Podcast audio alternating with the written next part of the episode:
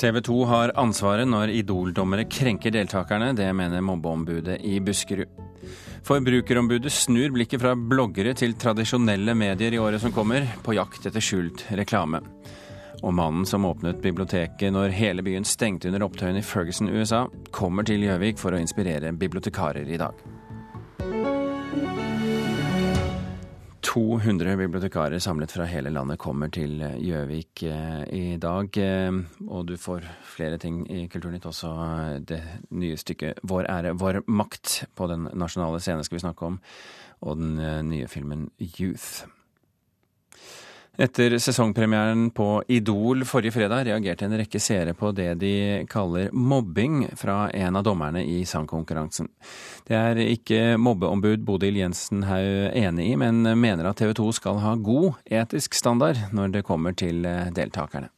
Men det blir jo så trasig. Kan noen komme og synge snart? Ja, vi må ha talent jeg vil, jeg vil snart reise meg opp og brøle. På fredag hadde den niende sesongen av Idol premiere på TV 2. Der ble en av de nye dommerne, låtskriver og artist Ina Wroldsen, kraftig kritisert på sosiale medier i etterkant. Flere seere mente nemlig hun mobba noen av deltakerne med tilbakemeldingene sine. Problemet mitt er hvor i det musikalske landskapet skal du? Er ikke superimpressed, ass. Den kvinnelige dommeren virket frekk og ufordragelig. Bør byttes ut, lyder en av kommentarene. Håper TV 2s Idol-dommere får klar beskjed om at mobbing ikke er tillatt skriver en annen. Noen tok også til orde for at dette ikke er mobbing, og at vi kanskje har blitt for hårsåre på dette feltet. Det var heller ikke slik at Wroldsen kun kom med negative tilbakemeldinger. Eh, jeg var, ville så gjerne at det skulle være bra. Ja. Så var det bra. Tusen takk. Så har du en kjempekontroll på trillene dine, og det er veldig vanskelig. Gunnar Greve, som nå er dommer for fjerde gang, skrev på Facebook at påstanden om at Wroldsen mobbet deltakerne, var det dummeste han hadde hørt. Jeg mener bestemt at det er dommere i Idol, meg selv inkludert, som har sagt langt verre ting til deltakerne enn man fikk se og høre Ina gjøre under fredagens program, skriver han. Ja, det sa Martin, nei, unnskyld, Magnus Lutnes Aas. Og Idol-dommer Ina Wroldsen selv var ikke tilgjengelig for kommentar til oss. Bodil Jensen Haug, mobbeombud i Buskerud, velkommen til Kulturnytt. Takk skal du ha. Er du enig i reaksjonene? Syns du det var mobbing vi opplevde sist Idol-sending? Nei, altså jeg syns at vi skal være litt forsiktige med ordet mobbing. Eh, jeg syns at eh, de som opplever mobbing, reell mobbing, de, det er dypt krenkende og traumatiserende å gå på hele personligheten. Og det må huske på at det konseptet vi så forrige fredag, Eh, det er et avtalt spill mellom deltakere og dommere. Det er jo hele poenget med selve programmet er jo å skape reaksjoner. Og emosjonelle reaksjoner er en ingrediens i selve programmet. Hvorfor... Så derfor så tenker jeg at dette opplever ikke jeg som mobbing, men at det er krenkende, eller at de opplever det som harde eller veldig tydelige tilbakemeldinger, det gjør de nok. Men hvorfor tror du det er så mange da som, eh, som ser på dette programmet, og som oppfatter det som mobbing? Jeg tror det er mange som syns at det å få så direkte tilbakemeldinger oppfattes eh, eh, veldig voldsomt. Eh, og så er det jo litt sånn at man har en sånn inderlig drøm om at det skal bli bra. Og det å få høre at du ikke er god nok, det oppleves eh, vanskelig. Og så er det, må vi huske på at dette er underholdning. Men, men jeg snakker om de som ser på. altså De ja. oppfatter det og, og, reagerer på det og kaller det mobbing. Mm. Ja, jeg syns det er en feil bruk av ordet. Mm. Bjarne Låstad, assisterende kommunikasjonssjef i TV 2. Forstår du reaksjonene rettet mot Ina Wroldsen? Nei, vi gjør egentlig ikke det. Idol har nå gått på TV 2 siden 2003, og, både deltakere og seere kjenner programmet veldig godt etter hvert. Vi tror jo at de fleste vil oppleve at Idol i dag er mildere i formen enn det det var da det kom for mange år siden. Og som jeg syns både Ina Wroldsen og resten av juryen er veldig flinke med i, i møte med, med, de håpefulle deltakerne. De er ærlige og konstruktive i sine tilbakemeldinger. Direkte, ja, men det, eh, det er jo litt av poenget. Så Hva syns du om, eh, og, og, dine kolleger i TV 2 eh, om reaksjonene som kom på sosiale medier etter fredagens program?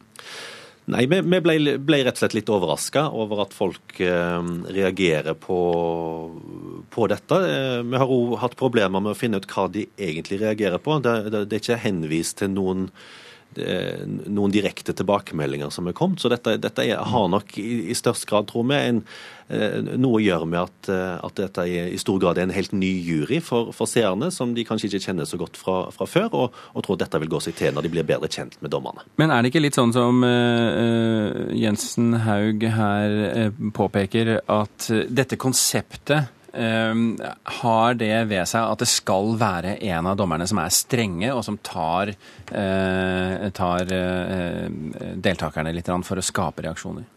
Ja, det, er noe, det, er ikke noe, poeng for oss uh, som ligger i det. Hver av de fire dommerne er henta inn på bakgrunn av den kompetansen og erfaringen de har fra, fra sine felt, og, og melder tilbake til deltakerne på, på bakgrunn av, av det. Så, Mener du å si at det ikke er tildelt roller de, i dommerlauget? På ingen måte. Er det da tilfeldig at det er, eh, synes å være alltid én streng dommer? Det vil jo alltid være, Når det er fire mennesker samla, så, så, så, vil det alltid være variasjoner eh, ute og gå. Men jeg tror nå har, nå har vi bare sett ett program fra, fra denne Idol-sesongen, og det, det, vil nok utligne seg etter hvert. Bodil Jensen Haug, du har, du har sagt at TV 2 må være sitt ansvar bevisst her. Hva slags ansvar er det du snakker om da? Ja, da tenker jeg det at eh, når jeg ser klipp en gang fra 90-tallet, så syns jeg kanskje ikke det jeg reagerte på da er så veldig alvorlig. Og det er ikke klippet som har forandra seg, det er det meg. Vi er inne i et samfunn eh, hvor det med å ironisere, latterliggjøre, håne, det er, en, det er underholdning. Og det syns jeg at eh, TV 2 og andre medier har et ansvar for å se på. Barn har lekt Idol i ti år. Jeg vet ikke hvor mange år det er, det kan kanskje Bjarne eh, Låstad svare på. Men da første programmene kom, så begynte barna å leke det i i skolegården. Og jo morsommere de syns det er, jo bedre er det å gi direkte tilbakemelding. Og så jobber skolen hver dag med å gi tilbakemeldinger som gjør at barna vokser. Ikke sant? Det er en viktig del av skolearbeidet. Og så blir på en måte skolen en motkultur, da. Når media i større og større grad skal latterliggjøre, håne, få folk til å føle seg litt dumme. Jeg spurte en 13-åring om eh, hva han syntes var morsomst med Idol, for han har selvfølgelig sett det. Og det er en del av målgruppa, regner jeg med. Og det han sa, det var at det er jo morsomt å se på de som ikke kan synge, og høre det dommerne sier om dem. Og det syns jeg er litt trist å høre. Og jeg tenker, jeg har lyst til å spørre Bjørnar Låstad, har han en nedre grense på hva de viser? For jeg syns virkelig at TV har et eh, ansvar for å skjerme folk for seg sjøl litt. Du kan svare på det, Låstad. Ja, ja absolutt. Altså, dette er faktisk noe der er stor bevissthet rundt i produksjonen. Ehm, dette vil jo alltid være skjønnsmessige vurderinger som er basert på forskjellige deltakere og forskjellige situasjoner som oppstår i, eh, i auditionrommet. Men, men, det jeg kan si er at det, det, det er flere deltakere hvert år som ikke blir vist eh, i programmene nettopp med bakgrunn i, i, dette. Så dette er det en, en, en, stor bevissthet rundt, altså. Opplever du, Haug, at uh, folk og seere har blitt mer hårsåre eller, eller krenkbare? Nei, det syns jeg ikke. Jeg syns de er uh, mer bevisst på at uh, TV har et ansvar. Og jeg tenker at det er kanskje det den reaksjonen som har kommet uh, viser, er at folk godtar ikke hva som helst. Nå må det sies at jeg også syns at Wroldsen ga en del gode faglige tilbakemeldinger, og det liker jeg. Jeg syns de få programkonseptene jeg så for lenge siden, da syns jeg det var veldig mye fokus på utseende, kulhet, attitude, altså den type tilbakemelding. Mye viktigere at de gir tilbakemelding på faktisk det de skal presentere, altså det handler om sang og musikk. Mm. Har du, opplever du, Låstad, at folk har blitt mer krenkbare? Nei, jeg, føler, jeg vil ikke si det. Altså. Siden dere ble overrasket, tross alt? Jo, vi ble overraska over reaksjonene som kom fra seerne. Ja, Det er de jeg snakker om nå, om de har blitt mer krenkbare på, på, på deltakernes vegne? I utgangspunktet så opplever vi, det ikke sånn. Eh, derfor ble vi egentlig litt overraska når, når, reaksjonene kom nå. Men, men jevnt over så, så, så, er jo de fleste vokst opp med disse programmene etter hvert, så, så, de vet hva det går i. Jeg tror nok det som er uvant kanskje fremdeles da, med, med, programmer som Idol, er at den, tilbakemeldingen er såpass direkte. og det, det, er vi kanskje ikke så vant til ellers i, i samfunnet. Eh, Bjarne Låstad i TV 2 og Bodil Jensen Haug, mobbeombud i Buskerud, takk for at dere ble med oss her i Kulturnytt. Takk skal du ha.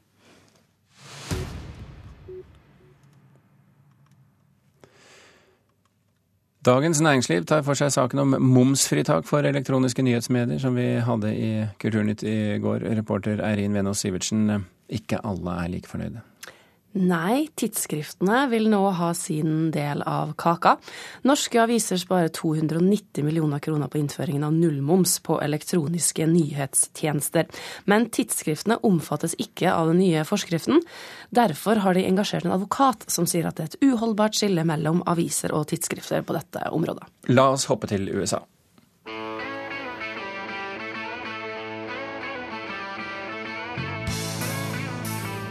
Ja, Det er eh, vanskelig å unngå å vite at dette er TV-senden Friends. Eh, musikken eh, til Venner for livet, som det heter på norsk. Veldig populær serie på 90-tallet. I dag skriver Dagbladet at en av skuespillerne, Matthew Perry, ikke husker noe av tre års innspilling av serien. Og er Eirin, hvorfor ikke? Han gikk på dop. Eh, Det har vært kjent tidligere. Eh, Han spilte karakteren Chandler Bing. Eh, Men nå så har det altså kommet frem at han faktisk ikke husker noe fra sesong tre til sesong seks. Denne nyheten kommer opp i forbindelse med at det nå er ti år siden serien slutta. Og i den forbindelse så skal det være en reunion hvor skuespilleren skal hedre regissør Jim Burrow med en spesialepisode. Og den eneste som ikke kommer, det er da Parry, som spilte Chandler Bing, for han skal spille teater i London. Fra London til Fredrikstad. I'm always grateful for the introduction because I forget who I am. En liten snutt der fra John Irving, som sier at han er glad for å bli introdusert fordi han stadig glemmer hvem han er. Han er i Norge for å snakke om sin siste roman 'Mysterieavenyen'. Vi hørte han altså fra Litteraturhuset i Fredrikstad, der han var i går. Han er intervjuet av eh, både Dagbladet og VG i dag, Eirin, eh, og sier at han ikke har så mye til overs for biografer. Nei, han Nei, unnskyld, biogra biografier. det er noe annet. Nei, han, han liker ikke å skrive biografisk. Han mener det er begrensende for eh, fantasien. Eh, og han forteller også om sin egen oppvekst uten en biologisk far, som han heller ikke er interessert i å skrive om.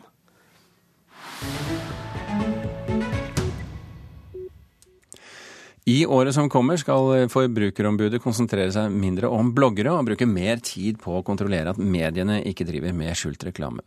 Årsaken er at reklame, forkledd som journalistikk, såkalt innholdsmarkedsføring, har blitt en viktig inntektskilde for mange medier i det siste. De fleste mediehusene nå har fått egne content marketing-avdelinger. Og det som ser ut som utfordringa, at ikke de har tatt inn over seg at de nå lever under et eh, regime som gjelder for reklamebransjen. Det betyr at markedsføringsloven kommer inn i bildet. Det sier forbrukerombud Gry Nergård.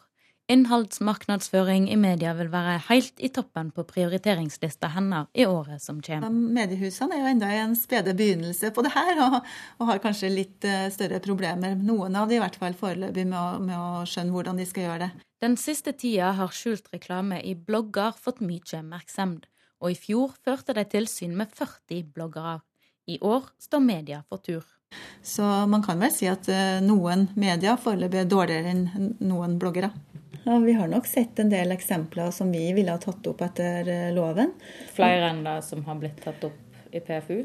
Eh, Ja, jeg må nok si det. Jeg er kanskje litt overrasket over det. Sier Kjersti Løken Stavrum, leder i Norsk Presseforbund. Hun mener pressa sin selvjustis i pressens faglige utvalg har feia godt nok for pressa si dør. Ettersom vi har hatt så stor oppmerksomhet om dette i mediebransjen de siste årene. eh, Og derfor har det skjedd en viktig grensedragning det siste trekvart året, vil jeg si, i mediebransjen. I 2015 var det ti fellinger på det såkalte tekstreklamepunktet i Vær varsom-plakaten, mot fire året før. Forrige uke ble VG felt i PFU for å ha blanda korta. Skillet mellom Rema 1000-finansiert innholdsmarkedsføring og redaksjonelt innhold var ikke tydelig nok, medan Nergård mener det fremdeles er et stykke att, og at Forbrukerombudet nå må involvere seg mer.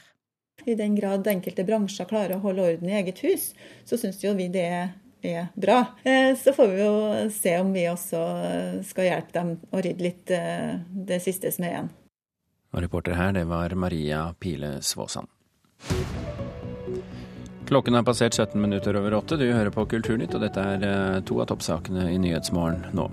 Flyktningstrømmen til Europa fortsetter. Hittil i år har det kommet 45 000 mennesker over havet til Hellas.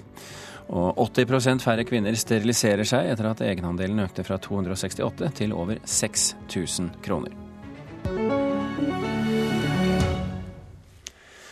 Skuespillerensemblet er utsøkt. Rollelisten toppes av skuespillere som er modne av alder og enda bedre enn før i livet. Filmen er stor kunst og dannet folkelig underholdning.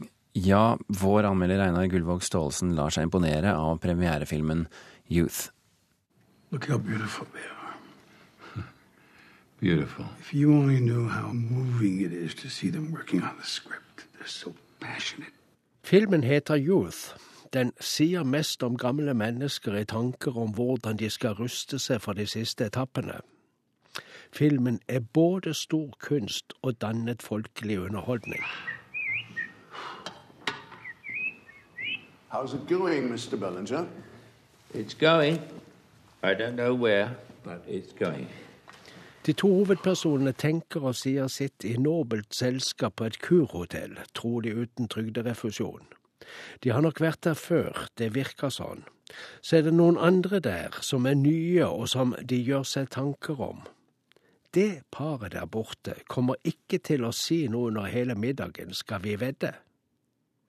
Filmen er italiensk, men ensemblet på lerretet er britisk og amerikansk, og det er utsøkt. Rollelisten toppes av skuespillere som er modne av alder og enda bedre enn før i livet. Michael Kane, Harvey Keitel, Jane Fonda, Loredana Canata. Det er mange flere som er særs gode.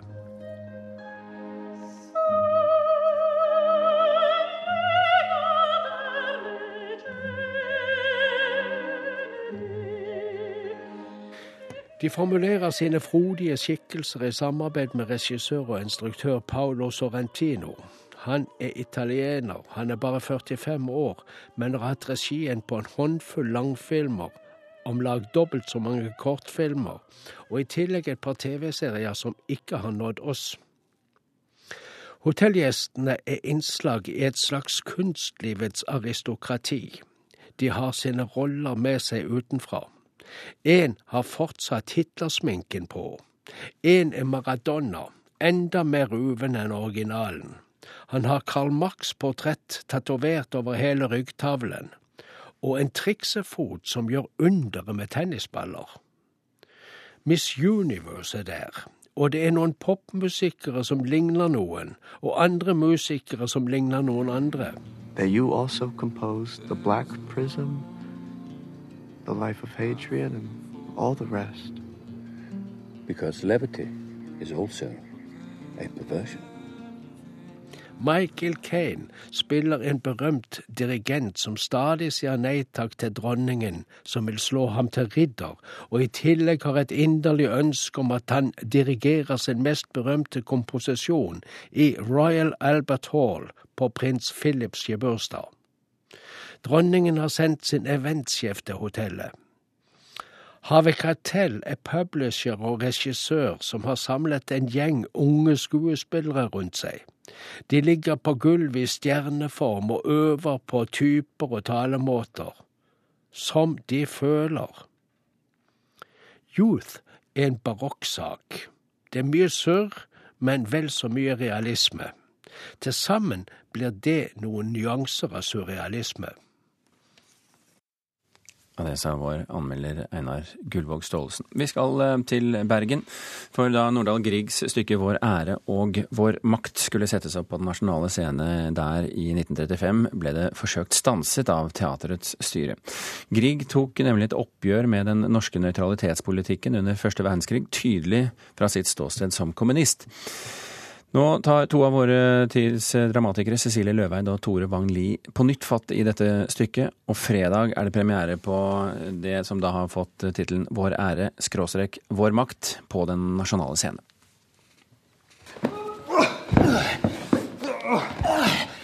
Du filmet søsteren min, og hun var kliss naken. Er dette med voksen, Konrad? Nå skal du få det inn i hodet ditt. Og det var det voldsomt så puritansk du har blitt, da. Det er jo du som alltid snakker om å få se mer hud. Dessuten er det ingen andre som får se han. Hva med Ditlef? Ikke han heller. Regissør Tore Wang Lie på linje fra Bergen. Hva var det vi hørte her? Der hørte vi en uh, liten rederscene. En liten konfrontasjon mellom Konrad Heggelund og Freddy Bang på et, uh, trenings, uh, i en treningssetting. I en treningssetting? Ja, rett og slett. I en slags ja, en treningssetting som der to tider møtes. Den gamle tidens linjegymnastikk og den nye tidens trend av menn som trener med menn ja, da, utenfor helsestudio. Da må jeg få lov til å spørre deg, hvor foregår egentlig dette stykket i tid og rom eh, som det oppsettes nå i Bergen? Altså, det foregår strengt tatt i et Hvis en kan forestille seg et stort, utvidet mørkerom, altså av de gamle fotografenes fremkallingsrom. Det er det vi har gjort, eh, gjort eh, Småscenen på Nasjonale Scene om til. Hvordan ser det ut på scenen? Hvordan, hvordan det, hva slags sceneuttrykk får det? Altså, det ser ut litt som jeg, som jeg sier der. altså på en måte, Det er en kombinasjon av to ting. Det ene er et, det mørkerommet. rommet, måten det, altså Fremkallingskarene, eh, de røde lampene. Det er den ene siden. Den andre er måten publikum er plassert på. altså i noe som følger byens struktur og byens anatomi. Altså bydelene, klasseskillene. Eh, sånn at en sitter på en måte klassedelt. Dette er jo et ikonisk stykke, kanskje særlig i Bergen. Hva vil dere oppnå med å ikke spille det rett frem sånn som det ble skrevet? Altså jeg tror at Det vi har gjort når vi har jobbet med det, er jo rett og slett å prøve å gå i en dialog med det stoffet. Og, og gå i en dialog med stoffet i lys av det prosjektet som Nordahl Grieg hadde som sitt på en måte politisk eksistensielle prosjekt. Altså ikke bare en ikke bare en søk etter et oppgjør med en norsk nøytralitet under første verdenskrig, men òg en tematisering av, av nøytralitet generelt. Altså politisk nøytralitet og overskridelsen av den. Men hvorfor ble det så kontroversielt i sin tid? Altså Jeg tror det er flere ting. Altså det, Mellomkrigstiden som en, som en brytningstid, men kanskje viktigst av alt det at Nordahl eh, åpner opp igjen noe som veldig mange har forsøkt å lukke ned. Altså på en måte den norske kapitalismens råeste råeste øyeblikk under spekulasjonen under første verdenskrig. ikke sant? Og da snakker vi om skipsrederne kontra seilerne? Ikke sant? Og, dermed, og Bergen er på en måte en, et samlingssted for det, for byen blir så viktig i, under den tiden. Men samtidig er jo det en portal mot en norsk historie, og det er en portal mot, en, mot, en, mot vår egen mentalitetshistorie. Så Sånn sett er det liksom eh, måte Nordahl Griegs og Vår ære og makt som portal i en søk etter mentalitetshistorie. Hvorfor ting har blitt som de har blitt. Ikke bare hvorfor bygg og praktbygg og formuer og rederkontorer er der den dag i dag, men òg hva det har gjort med oss som og vår egen mentalitet. Han gjorde veldig grundig research vet jeg, til dette stykket for at alt skulle bli riktig. Står det seg som historisk dokument? På veldig mange måter gjør det det. Og det har vært, en, det har vært forunderlig å gå, gå, bak på en måte hans forsøk på Han måtte òg fordekke en del ting. Gå til de reelle navnene, de reelle eh, sjøforklaringene. Han ruller ut på en måte en, en del av en historie som på mange måter òg har gjenfalt i skyggen av den andre krigen, den andre store krigen, altså andre verdenskrig. Mm. Uh, Tore Wang Lie, uh, det var jo en kjempesuksess. 60 forestillinger og 30 000 publikum. La det være listen for dere? Vel, jeg tror da kanskje at Ja, ikke sant. Nei, men vi, vårt prosjekt får bli et uh, vi må, vi, må gjøre, vi må, jobbe på våre premisser. og, og Eh, med vårt utgangspunkt og med vår tid som, som Tore Wang Lie, vår ære, vår makt eh, blir anmeldt her i Kulturnytt på et eller annet eh, tidspunkt, bare det rekker å ha premiere først. Takk for at du ble med på linje fra Bergen og Breakleg, som det heter. Takk for det.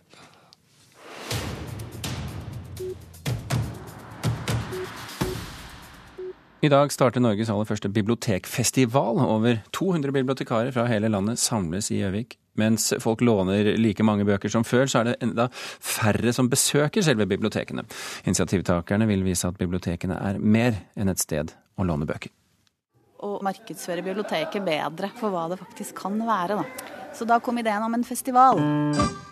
De er som de to gode naboer, fylkesbibliotekarene på hver sin side av Mjøsa. Kreative og fulle av ideer.